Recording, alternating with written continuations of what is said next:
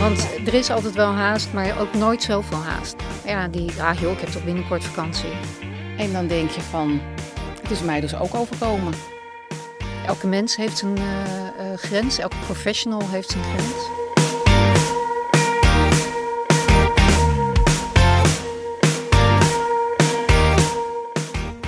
Je luistert naar de CNV-podcast Werkgeluk. En aflevering 2 gaat over grenzen stellen.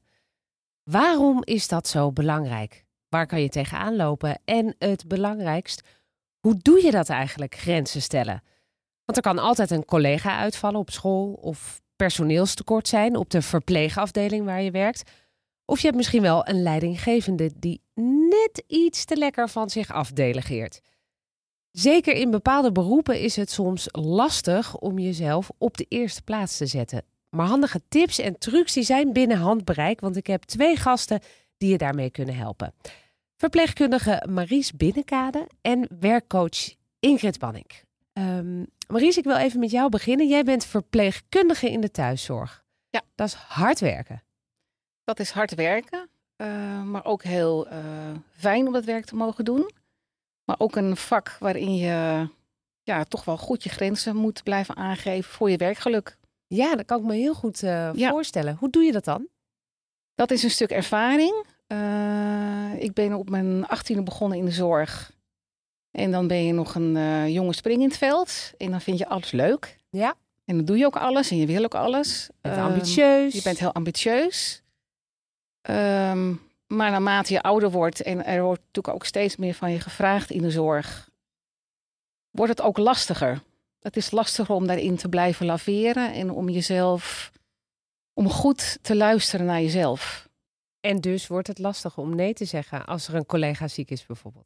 En dus wordt het ook steeds lastiger om nee te zeggen. Um, en dat is een stuk ervaring uh, en ook uh, doorleven. Dus um, een paar keer flink je neus stoten en ik hoorde, ik hoorde ook wel eens van mensen die dan toch overspannen raken of in een burn-out komen. Want ja, dat was wel wat ik nodig had om opnieuw te leren nee te kunnen zeggen. Vind ik best wel heftig als mensen dat zeggen. Dat je dus eerst uh, zo'n terugslag moet hebben voordat je weer vooruit kan. Ja, dat klopt. En dat heb ik zelf ook ervaren in mijn werk. Um, dat uh, je kan altijd maar uh, doen wat, je wat de baas van je wil. Ja. Maar er zit een kantelpunt aan of in. En dat kantelpunt ben je zelf. Van wat zijn je grenzen? Um, en wat uh, bevordert mijn werkplezier om niet over die grenzen heen te gaan? Ingrid, ik zie jou meteen al knikken als zijnde werkcoach. Jazeker. Jij hoort volgens mij allemaal herkenbare dingen. Ja. ja. Vertel eens. Um, nou, Maries heeft het wel heel treffend uh, verteld. Zeker over van ja, waar zit je kantelpunt en hoe blijf je daaronder? over de, uh, aan de goede kant van het kantelpunt. Want het is natuurlijk verschrikkelijk als je er overheen gaat en je moet leren van de spanningsklachten die je hebt opgebouwd, in welke vorm dan ook. Terwijl als je eerder aan je eigen bel had getrokken of überhaupt aan de bel had getrokken, bijvoorbeeld bij je werkgever, mm -hmm. dan had dat misschien helemaal niet nodig geweest. Maar ik denk dat heel veel mensen juist dat moeilijk vinden. Zeker. Bij de werkgever zeggen, Zeker. Ik ja. ga niet meer. Ja. Nou ja, het is natuurlijk, uh, veel mensen zien dat als een zwaktebod.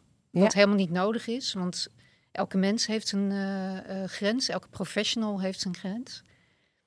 Um, en niet iedere werkgever zegt gelijk, goh, wat vervelend. Um, tuurlijk, geen enkel probleem, we gaan het anders organiseren.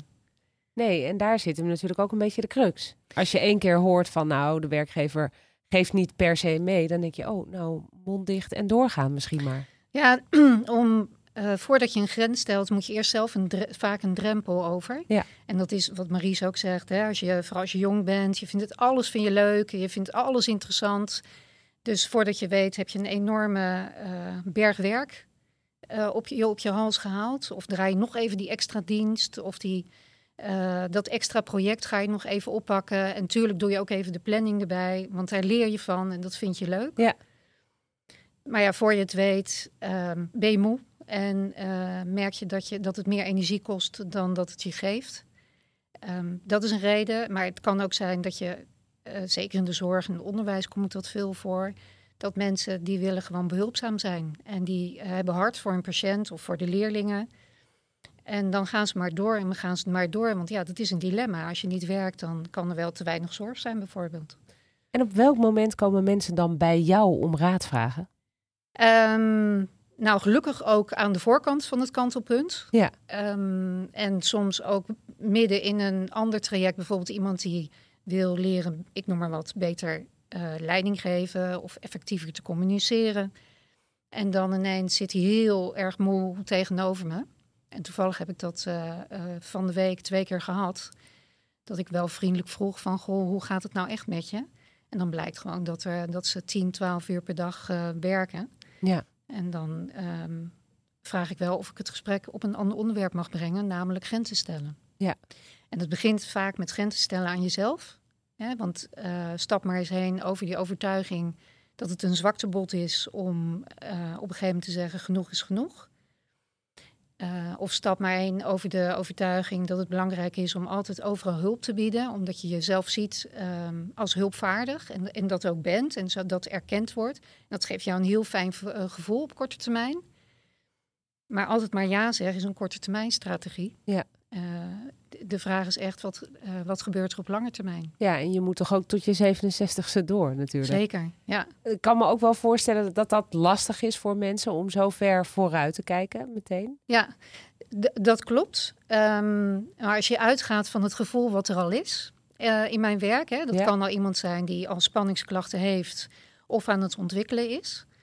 Um, maar als je dan uitgaat van hoe voel je je nu, hoe gaat het nu met je? En er komt dan toch wel uh, naar voren dat ze spanning in hun lijf hebben, dat ze slecht slapen, um, dat ze veel te veel uren maken, dat ze echt niet meer weten hoe ze alle ballen in de lucht moeten Mhm. houden. Dat het eigenlijk ten koste gaat ook van hoe ze hun werk willen doen, want het is veel te veel. Dus het gaat of ten koste van kwaliteit of van kwantiteit. Of ze moeten eigenlijk toch nee zeggen achteraf, want ze hebben eerst ja gezegd. En dan komen ze er toch achter dat ze er toch niet aan toe komen. Dus dan kun je ook gaan vragen van... goh, hè, stel, kijk nou eens naar de nabije toekomst. Stel nou dat je wat beter voor jezelf gaat zorgen. En beter je grenzen wat gaat aangeven. En begin bij jezelf. Hè. Waar ligt nou eigenlijk die grens? Wat zou dat je opleveren? En dan krijg je een gesprek. Ja. Zou jij mij eens mee willen nemen, Maries, in het uh, verhaal dat jij hebt uh, doorlopen?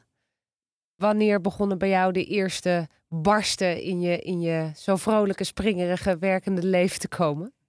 Uh, dat begon eigenlijk ja, op een gegeven moment dat er toch uh, bezuinigingen kwamen. En die bezuinigingen in de zorg zijn natuurlijk al van heel veel jaren, ja. toch wel 10, 15 jaar. En dat je dus ook wel de eerste barstjes ziet in je team. Uh, dat, er, dat er steeds meer mensen weggaan en dat er minder mensen voor aangenomen worden dat de administratielast, zeker in de zorg, steeds meer toeneemt. Ja. Dus het vinkje zetten voor de zorgverzekeraar. Dus het vak wat ik heel graag doe, het zorgen voor een patiënt. Ja, er kwamen steeds meer taken bij. Er kwam steeds meer iets bij. Van uh, dit komt erbij en dat komt erbij. En... en dan niet per se die zorg voor die patiënt, waar jij ook je werkgeluk uit haalde. Ja. Maar het administratieve gedeelte. Mijn werkgeluk is echt wel aan het bed uh, zorgen voor degene die in dat bed ligt. Ja. En alles wat zorg gerelateerd is. Maar de administratiedruk, die dus ook nog steeds toeneemt in de zorg. Ja, uh, ja is wel een, een, voor mij wel een moment geweest van. Um, ja, dat, dan, dat daar barstjes in kwamen. Ja. En, En- de en- druk die ik niet meer aankon. Nee. En hoeveel tijd heeft er dan gezeten tussen die eerste barsten en het moment dat je aan de bel trok? Dat het echt niet meer ging. Nou, dat heeft er wel een paar jaar geduurd. Uh, ik heb daarin wel zelf een beslissing gemaakt om uh, weg te gaan uit de loondienstconstructie. Ik ben zelfstandig geworden. Ik heb mijn eigen bedrijf opgezet uh, vanuit de particuliere thuiszorg. Maar ook daar, want je wordt vaak ingehuurd door organisaties, Ja. ziekenhuizen, hospissen, uh, verpleeghuizen. Uh, ja, ook daar moet gewerkt worden. En daar wordt van je verwacht dat je gewoon meedraait in een bestaand team, waar ook al heel veel tekorten zijn. Ja. Ehm, En die verantwoordelijkheid voor het feit dat je een eigen bedrijf hebt en dat je misschien Ja. wel bang bent om zonder werk te komen zitten, lijkt mij ook een beetje drukverhogend juist. je moet leren om je grenzen aan te geven. En dat doe je met vallen en opstaan. Want je hebt dus eerst die stap gemaakt om zelfstandiger te worden. Toen is het misschien even een beetje beter geworden. Klopt. Ging dat werkgeluk weer omhoog. Maar de problemen bleken nog steeds niet helemaal opgelost. Er is ergens dus een moment geweest dat je nog steeds weer die grens moest gaan stellen. Ja, en Wanneer dat, is, was dat? dat was eh, anderhalf jaar geleden. Toen eh, eh, had ik invalwerk aangenomen in een hospice.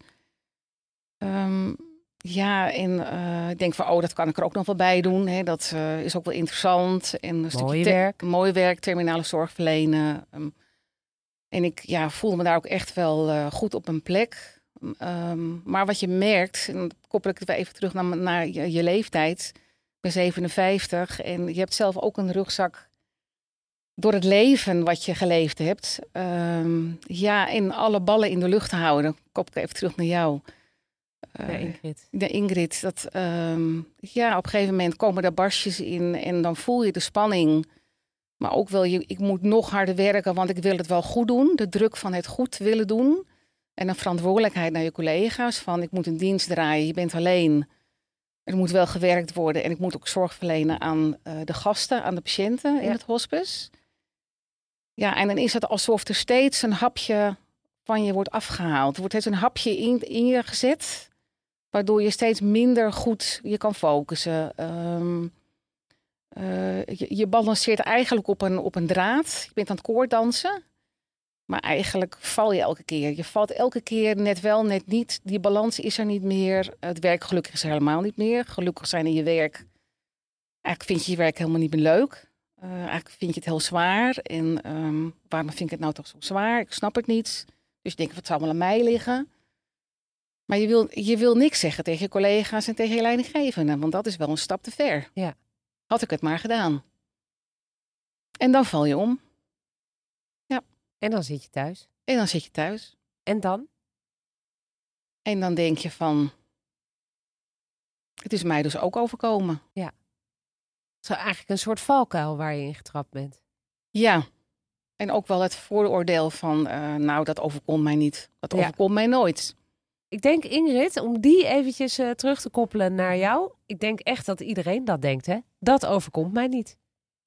Ik hoor het wel heel vaak. Ja, Dat mensen echt denken van nou, dat, dat kan gewoon niet. En dat hoe van komt jong. dat, dat mensen dat denken? Dat ze, dat ze het allemaal wel aankunnen? Nou, ehm, sowieso zit dat eh, een beetje in de mens zelf. Dat wij eh, ook wat moeite hebben om goed vooruit te kijken.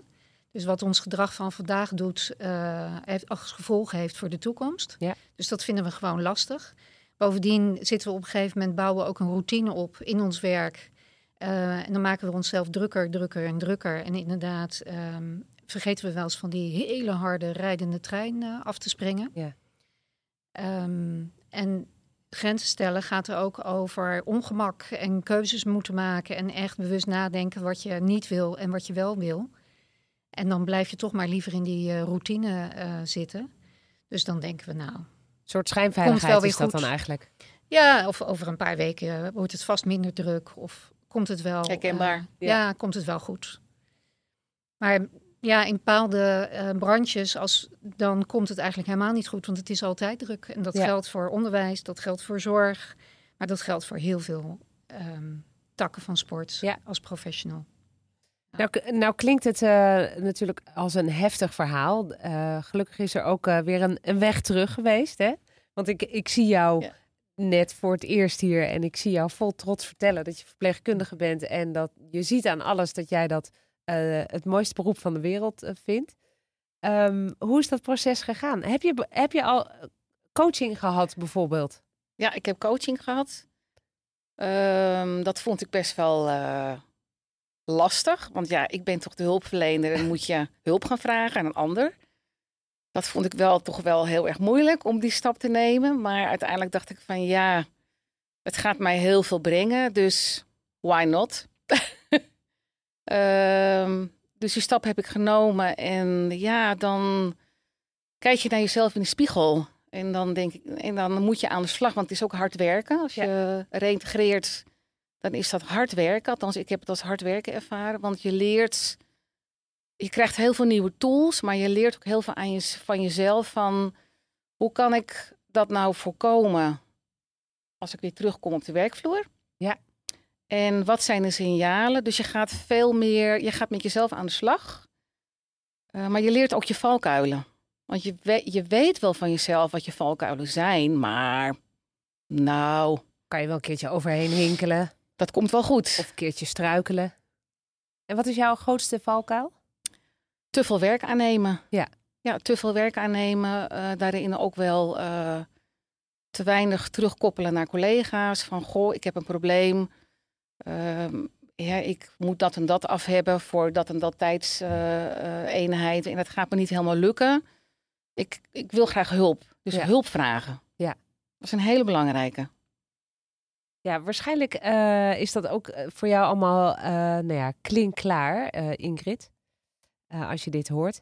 Het eerste wat toen jij begon te vertellen over een traject waar je ingaat als je nou ja, overwerkt bent of een burn-out hebt of problemen met grenzen stellen, ehm, zei jij natuurlijk, je moet het bij jezelf zoeken. Zijn er ook dingen waarin werkgevers iets kunnen betekenen? Want het lijkt mij inderdaad, als ik dan Maries hoor, inderdaad best wel een heftig proces. Dan gaat het al niet goed met je. Zit je al op de bodem van, eh, van de fles, zeg maar. En dan moet je ook nog aan jezelf gaan werken. Nou, het is niet zozeer dat je het uitsluitend bij jezelf moet zoeken. Het is, vaak zijn het omstandigheden ook die over je heen komen. En daar Ja. heb je weinig invloed op dat dat gebeurt. Ja. Eh, iedereen heeft te maken met tegenslagen in zijn leven en in zijn werk. En met situaties in zijn werk waarvan die denkt, hoe moet ik hiermee omgaan? Ja. En als je dat dan moeilijk vindt om dat voor jezelf te besluiten... eh, en over na te denken en daarin je grenzen aan te geven... dan ehm, ligt het niet zozeer aan jou, want dat wil ik wel benadrukken. Het gaat niet om schuldvraag. Het is vaak een patroon wat er ontstaat tussen werkgever en werknemer, waardoor eh, de werknemer uiteindelijk de, de dupe wordt hè, en die valt om. En ehm, het is verstandig of het is handig, ook voor de werkgever, dat er dan hulp geboden wordt. Ja. En dat ook de werknemer daaraan eh, mee aan de slag gaat. Hoe zeg je nou gewoon nee? Ehm, hoe zeg je nee? Nou, dat kan op verschillende manieren, want je hoeft vaak niet eens het woord nee te gebruiken. En het gaat ook niet altijd alleen om nee zeggen. Het kan ook bijvoorbeeld zijn dat je eerst even jezelf de ruimte wil geven om na te denken. Dus dan zeg je bijvoorbeeld iets als iemand bijvoorbeeld vraagt om eh, weer een heel interessant project eh, te doen. Dat je zegt van joh, ik vind het wat fijn dat je aan mij denkt. Ik vind het echt heel interessant. Ik weet ook dat ik zoveel werk heb. Ik wil er even over nadenken en even goed naar mijn planning kijken. Maar, maar dan vragen ze me misschien de volgende keer wel niet meer. Nee, dat klopt. En daarom ga, ga je ook terug en dan kun je bijvoorbeeld zeggen van... joh, ik wil het heel graag doen. Ik heb alleen nu geen tijd. Maar ik kan wel over twee weken eh, deelnemen aan het project. Of ehm, ik kan eens kijken naar mijn prioriteiten samen met mijn leidinggevende... om te kijken van nou, wat, wat kan misschien wat opschuiven. Want het bijzondere is, is dat mensen vaak denken zelf... dat alles ter plekke moet en alles gelijk moet. Ja, nu is ook wel eh, nu en nee. Dat, Ja, precies. Het begint ook met dezelfde eh, letter. Ja. En ik trap daar zelf ook nog wel eens eh, in. Maar de, vaak zijn dingen ook, zelfs als mensen zeggen, ja, het heeft wel haast. Ik had vanmorgen ook een intakegesprek met iemand. En dat is ook echt, zoals je dat noemt, een spoedje. Maar toen zei ik al gelijk automatisch van nou, eh, dan zorg ik wel dat ik een voorstel doe. Dat, dat kan ik zo meteen nog wel even doen. En voordat ik mijn punt achter mijn zin had gezet, Dacht dacht je, ik, ik moet zo meteen een podcast Precies. opnemen. Daar wil ik me op voorbereiden. Precies. Ja.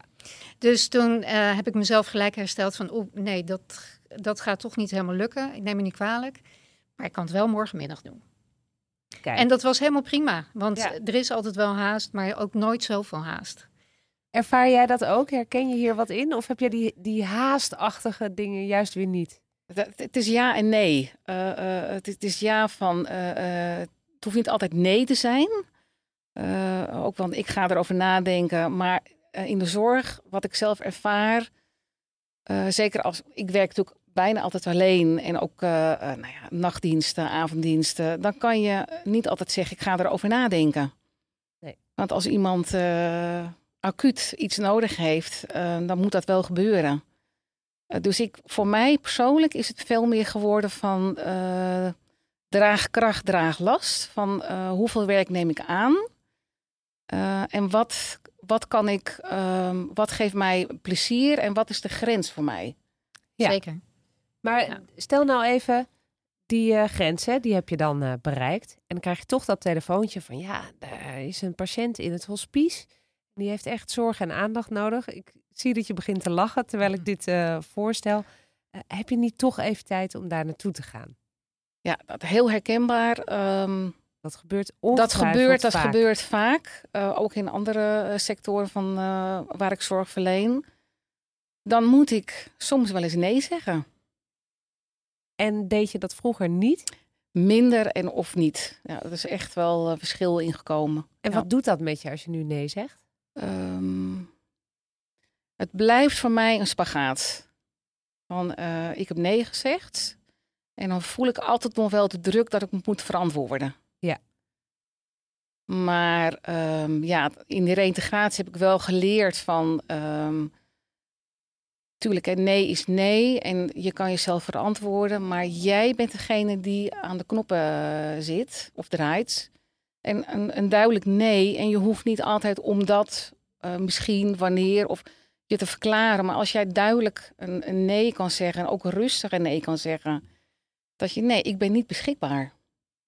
is wel knap hè, wat ze doet Ingrid. Maries. Zeker, ja. En dat is ook niet eh, even makkelijk. En eh, ehm, wat, hè, wat ik ook als tip zou willen meegeven, wees ook niet bang voor die worsteling, want die hoor ik ook. Ehm, en blijf erbij, want dat is eh, ook wat op lange termijn voor jouzelf goed is. En goed voor jezelf zorgen is ten eerste heel belangrijk voor jezelf. Hè? Dat je gewoon vrolijk blijft en werkplezier houdt en eh, goed presteert. Want als je heel erg moe bent, gaat het ook echt ten koste van prestatie. Ehm, en tegelijkertijd, nou ja, als je eh, nee zegt, dan zul je er uiteindelijk, als je wat meer oefening krijgt, dat ook wel, dat gaat uiteindelijk wel prima. Maar het zijn- is oefenen, oefenen, oefenen. Wij zijn hier met z'n eh, met z'n drieën wel nieuwsgierig ook naar mensen op de straat. Die, Mhm. ehm, of ze wel of niet goed nee kunnen zeggen. En met de CNV straatvraag hebben we ook op straat gevraagd of mensen goed hun grens kunnen aangeven. Even wat fragmenten. Ben jij goed in het stellen van grenzen? Eh, dat was ik niet, maar dat word ik wel steeds beter. En hoe, hoe, hoe heb je dat dan jezelf aangeleerd? Nou, een paar jaar geleden een keer overspannen zijn. Ah, dat doet wel, wel veel goed. Ja? Volgens mij denk ik dat heel veel mensen daardoor ineens een soort eh, dat leren. Ja. Ja, je bent druk met je werk en je wilt dingen goed doen. En je wilt ja, laten zien dat je dingen goed kan doen. Ik moet echt een soort van grens bereiken.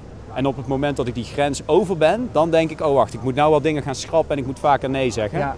De een die kan wel beter zelf zijn eigen grenzen aangeven dan de ander. Maar je merkt wel dat mensen wel die grenzen gaan opzoeken. Dus ik denk Ja. dat daarom ook wel veel mensen nu uitvallen. Want je wil het maximale uit jezelf halen in ieder Ja. geval. Het, max- Maries, ja. het maximale uit jezelf halen. Nou, dat, dat is een, een- was een hele jonge stem die ik hoorde. ja. En dan denk ik van ja, ik snap helemaal dat jij dat zegt. Het maximale uit jezelf halen. Het zou ook heel goed bij de jongere generatie passen. Maar ik zou dat heel graag. Nou, ik zou het zelf nooit meer zeggen. Het maximale uit mezelf halen. Eh, Want dat is al te veel.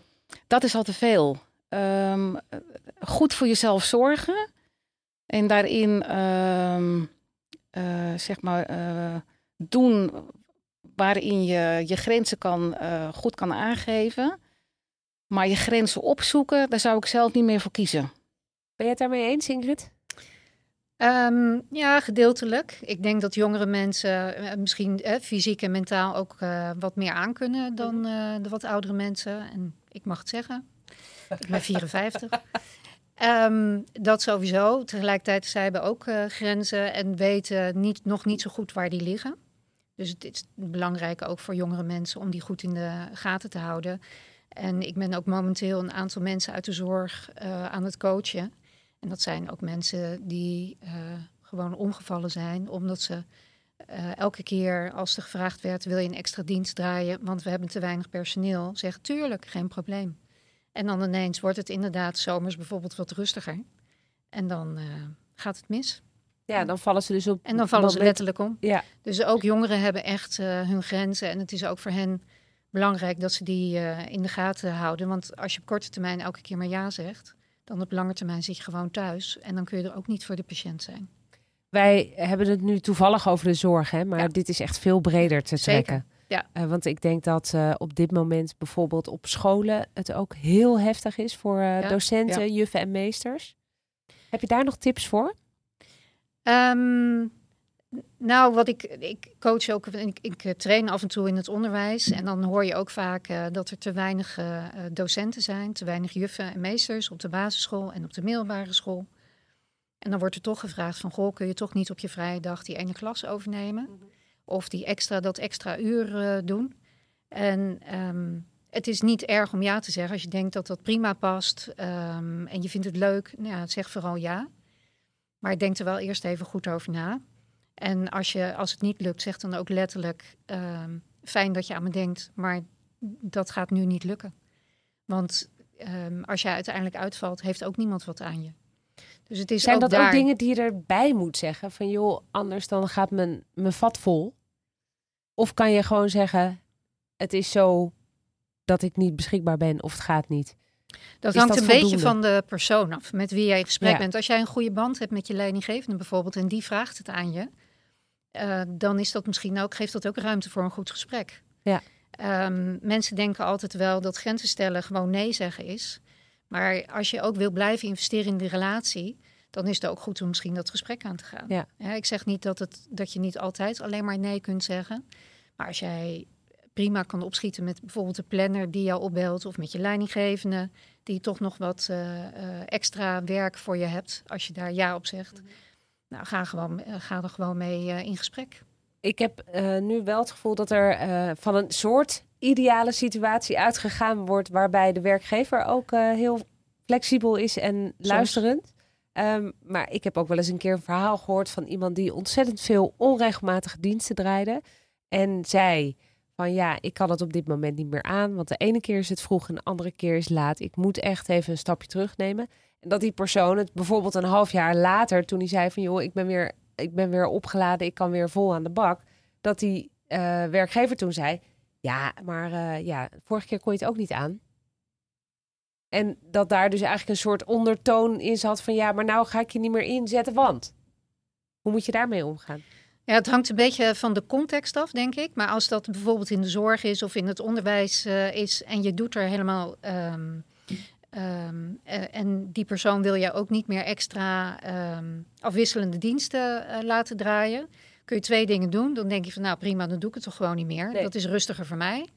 En je kunt, of je kunt rustig gaan uitleggen van nee, toen kwam het me echt niet meer uit. Ik, kon, ik was toen op, maar ik ben, het gaat nu goed met mij. Ja. Dus als je hulp wil, hè, als je wil dat ik weer wat meer wisseldiensten ga draaien, dan ben ik beschikbaar. Ja. blijf ook netjes, blijf bij jezelf. Ga niet in op onder- ondertonen. Eh, blijf gewoon bij de boodschap die je wil, eh, Ja. wil geven. Jij zegt nu, blijf bij jezelf, is heel belangrijk. Wat was het moment, Maries, dat jij niet bij jezelf bleef? Hoe uitte zich dat? Eh, dat was, ehm, ik, had een, ik had een dagdienst. ehm, en ehm, het was heel hectisch op de werkvloer. En er werd heel veel van me gevraagd. eh, zowel van de, van de patiënt als van de families die daar rondliepen. En eh, wat ik merkte aan mezelf, dat ik eh, niet meer kon, kon focussen op wat is nou prioriteit? Wat is nu het allerbelangrijkste wat ik nu moet doen? En dat ik eigenlijk verdronk in alle prikkels, alles wat er gebeurde. En nou ja, het focussen lukte mij niet meer. En, ehm, en de paniek. Ja, ik raakte echt in paniek. Ja. En hartkloppingen, eh, transpireren. ehm, ja, ook wel van, eh, ik heb de bol niet meer onder controle. Maar dat kan toch niet, want ik ben verpleegkundige, dat moet ik wel kunnen. En dat kan ik toch ook, maar waarom kan ik het nu dus niet? En nog niet herkennen van de symptomen van, nou ja, eh, en, en einde van mijn, van mijn dienst. Ik heb overgedragen en ook dat vond ik moeilijk om me kwetsbaar op te stellen naar mijn collega die mijn dienst overnam. En toen wilde ik in mijn auto stappen en eh, toen ging letterlijk het licht uit. Van de spanning, van, de, van de alles, van al die opbouwende weken van extra werken, doorgaan, doorgaan, doorgaan. En eh, ja, toen ben ik heel erg geschrokken. Ehm, maar toen nog niet aan kunnen aangeven Nee. van, oh, misschien is er nu echt wel wat mis met mij. Eh, dus dat was wel voor mij wel echt wel, eh, ja, heel, eh, ik vond het heel eh, confronterend. Eh, en ook, nou ja, wat ik aan het begin van het gesprek ook zei van, ja, maar het overkomt mij toch niet. Nee. Nou, je hebt een hoop lessen geleerd. Ja, zeker. Het gaat je nooit meer overkomen, denk ik, als ik jou zo zie. of wel? Nee, Nee, ik, ik, eh, ik heb Of mag wel. je dat niet zeggen, Ingrid? Nou, wat ik begrepen heb uit onderzoek is dat juist mensen die het al een keer overkomen is, eh, er wat meer vatbaarder voor zijn. Klopt, ja, dat klopt. Tegelijkertijd, als ik Marie zo hoor, is ze heel goed in, het na, in, in ehm, alle lessen die ze geleerd Ja. heeft, om die Ja. in de praktijk te gebruiken. Dus het is denk ik ook per persoon ehm, zal dat verschillen. Zou jij twee of drie dingen kunnen noemen die jij eh, het, het allerbelangrijkste vindt, samenvattend, eh, die je geleerd hebt? Luisteren naar de signalen die je lichaam geeft. Want je lichaam is heel goed in de signalen. Dus eh, en dat begint al met: ehm, ik ben moe en ik rust niet uit in mijn vrije dagen. Hoe komt dat nou? Dat is een heel belangrijk signaal. Tweede signaal is ehm, je werkgeluk. Dus je kan eigenlijk het, het werk wat je doet, wat je altijd heel veel voldoening gaf, geeft geen voldoening meer. Dus je loopt daar en je denkt, wat doe ik hier eigenlijk? Dus dat is twee. Eh, en drie is, ehm, ja, vervreemding. Ik, ik, ik was eigenlijk een, een ehm, net alsof je, alsof je ergens rondzweeft van, dat je, hebt geen connectie meer met, eh, met je collega's. Eh, alles vind je vermoeiend. Je hebt een kort lontje. Je wordt snel boos, je bent snel geagiteerd. Dus het zijn wel hele belangrijke signalen. Vooral de moeheid, de enorme moeheid in je lijf. Ja. Dus als je dat voelt en denkt, weet je, de dingen die jij beschrijft, dan Ja. eh, is het tijd om eh, aan de bel te gaan trekken Ja, en en- jezelf te gaan werken. en ook zeker niet meer dat je niet meer in je vrije dagen kan opladen. Ja. Dus niet, ook niet meer kan genieten van de dingen die je normaal doet. Eh, ik, doe, ik, ik, ik dans veel. Nou, dansen was voor mij al te veel. Ja. Ik kon het niet. Een boek lezen kon ik niet. Ehm autorijden, te veel prikkels kon ik niet. En dan voor jou, Ingrid, drie tips om vanuit dat dal weer op te krabbelen. Ja, de eerste is eh, rust natuurlijk. Ja. Ehm, en dat ook heel duidelijk aan te geven dat je die rust eh, nodig hebt. Want je lichaam, wat Marie al zegt, dat is je grootste signaalgever dat er echt iets eh, aan de hand is. Ander signaal trouwens, wat, die ik ook wel even wil noemen, want die hoor ik zo vaak, is dat mensen zeggen van ja, het valt wel mee, ik ben wel heel moe in het weekend. Maar dan laat ik gewoon in het weekend weer op en dan kan ik maandag weer aan de slag. Of mensen die van vakantie naar vakantie leven. Hè, van, eh, maar dan eigenlijk geen privéleven meer hebben, eh, geen leuke meer dingen meer doen. Maar ja, die, ah joh, ik heb toch binnenkort vakantie. Ja. En dan, dus dat, als je dat denkt, is trouwens ook nog wel even een signaal. Waarvan ik denk, nou, dat is ook nog wel iets wat misschien eh, handig is om naar te luisteren. Om even terug te gaan van, nou ja, wat kun je hieraan doen? Ehm, inderdaad, heel goed luisteren naar je, naar je lichaam. Dat is echt één. Vervolgens je rust eh, nemen. Grenzen stellen. Gewoon heel duidelijk aangeven wat je eh, niet meer kan en wat je wel wil. Of wat je eh, nodig hebt. En dat is vaak heel lastig, want situaties overkomen je. En als je heel moe bent, vind je het ook niet makkelijk om na te denken over die situatie. Dus vraag hulp. Vraag alsjeblieft hulp aan je leidinggevende, aan je werkgever. Ga praten met, een, met je partner, met een vriendin, met ehm, familieleden, iemand die je, nou ja, die je vertrouwt. Neem contact op met een coach. Eh, als je iemand meer van buiten eh, erbij wil hebben. Maar ga met iemand in gesprek, wie dan ook, om eh, voor jezelf het toch wat helderder te krijgen. Om, om je gedachten beter te kunnen structureren. En eh, probeer daarna in oplossingen te denken. Dus probeer even die afstand te vinden van wat is hier nou echt aan de hand. En hoe kan ik hier voor mezelf mee omgaan.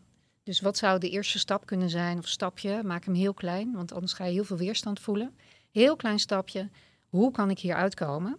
En welk gesprek moet ik aangaan? Want daar, dat gaat om grenzen stellen en dat vinden mensen vaak heel lastig. Wat levert zo'n succesverhaal jou aan geluksgevoel op?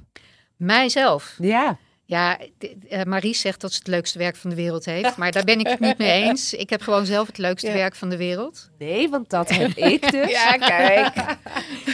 Eh, nou ja, wat ik, kijk, wat, wat ik heel fijn vind aan mijn werk, eh, is dat je mensen helpt zichzelf te helpen. Je maakt mensen zelfstandig om met situaties om te gaan waar ze in eerste instantie niet mee om konden gaan. Of zich te ontwikkelen in hun carrière. Of een team eh, wat eh, eerst niet goed met elkaar door een bocht kan en op een gegeven moment voorzichtig met elkaar gaat communiceren en met elkaar praten en afstemmen. wat gewoon beter gaat. En dan zie je die mensen groeien en ze worden sterker, ze krijgen meer zelfvertrouwen. Ja, dat is mijn opbrengst. Dat, daar doe ik het voor. Ja, En als jij een cijfer mag geven aan je werkgeluk? negen. Mooi. Ja. Maries, ik ga jou deze vraag twee keer stellen, maar dan één keer voor het moment dat je je, dat je, je niet meer goed voelde. Wat was jouw werkgelukcijfer toen? Voordat ik eh, omviel, Ja? nou, was wel een vijfje. Ik, als ik je gezicht zo zie, denk ik dat het eigenlijk erger was. Heel erg, ja. Maar dat is ook weer verpleegkundige. Die is later Ja. nooit het achterste puntje van de Nee, tong precies. zien. Nou, het was echt wel een dikke onvoldoende. Ja. En, en na mijn reïntegratie en eh, coaching, ja, toch wel een dikke acht. Maar je moet er blij- mee blijven werken. Het, je, moet, je moet altijd ermee Ja. blijven, aan de gang blijven gaan van... oké, wat doe ik wel, maar wat doe ik nou ook eens niet?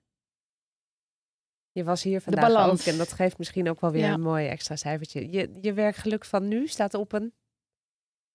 Ja, een acht, acht en een half. Prachtig. Ja. Hartstikke mooi. Bedankt dat jullie er waren. Eh, bedankt voor jullie tips, ervaringen. Ik heb er Graag zelf gedaan. ook heel veel aan gehad. Ik ga ontzettend in mijn oren knopen eh, hoe ik eh, soms keurig netjes nee zeg en toch die klus binnensleep, maar dan over een paar weken. En onthoud luisteraars, je moet je grenzen dus bewaken. Ik denk dat jullie het misschien meerdere keren hebben gehoord, maar het is kennelijk iets dat je echt in je oren moet knopen. Jij moet je grenzen bewaken, niet je team of je baas. Durf nee te zeggen, want daar word je echt gelukkiger van.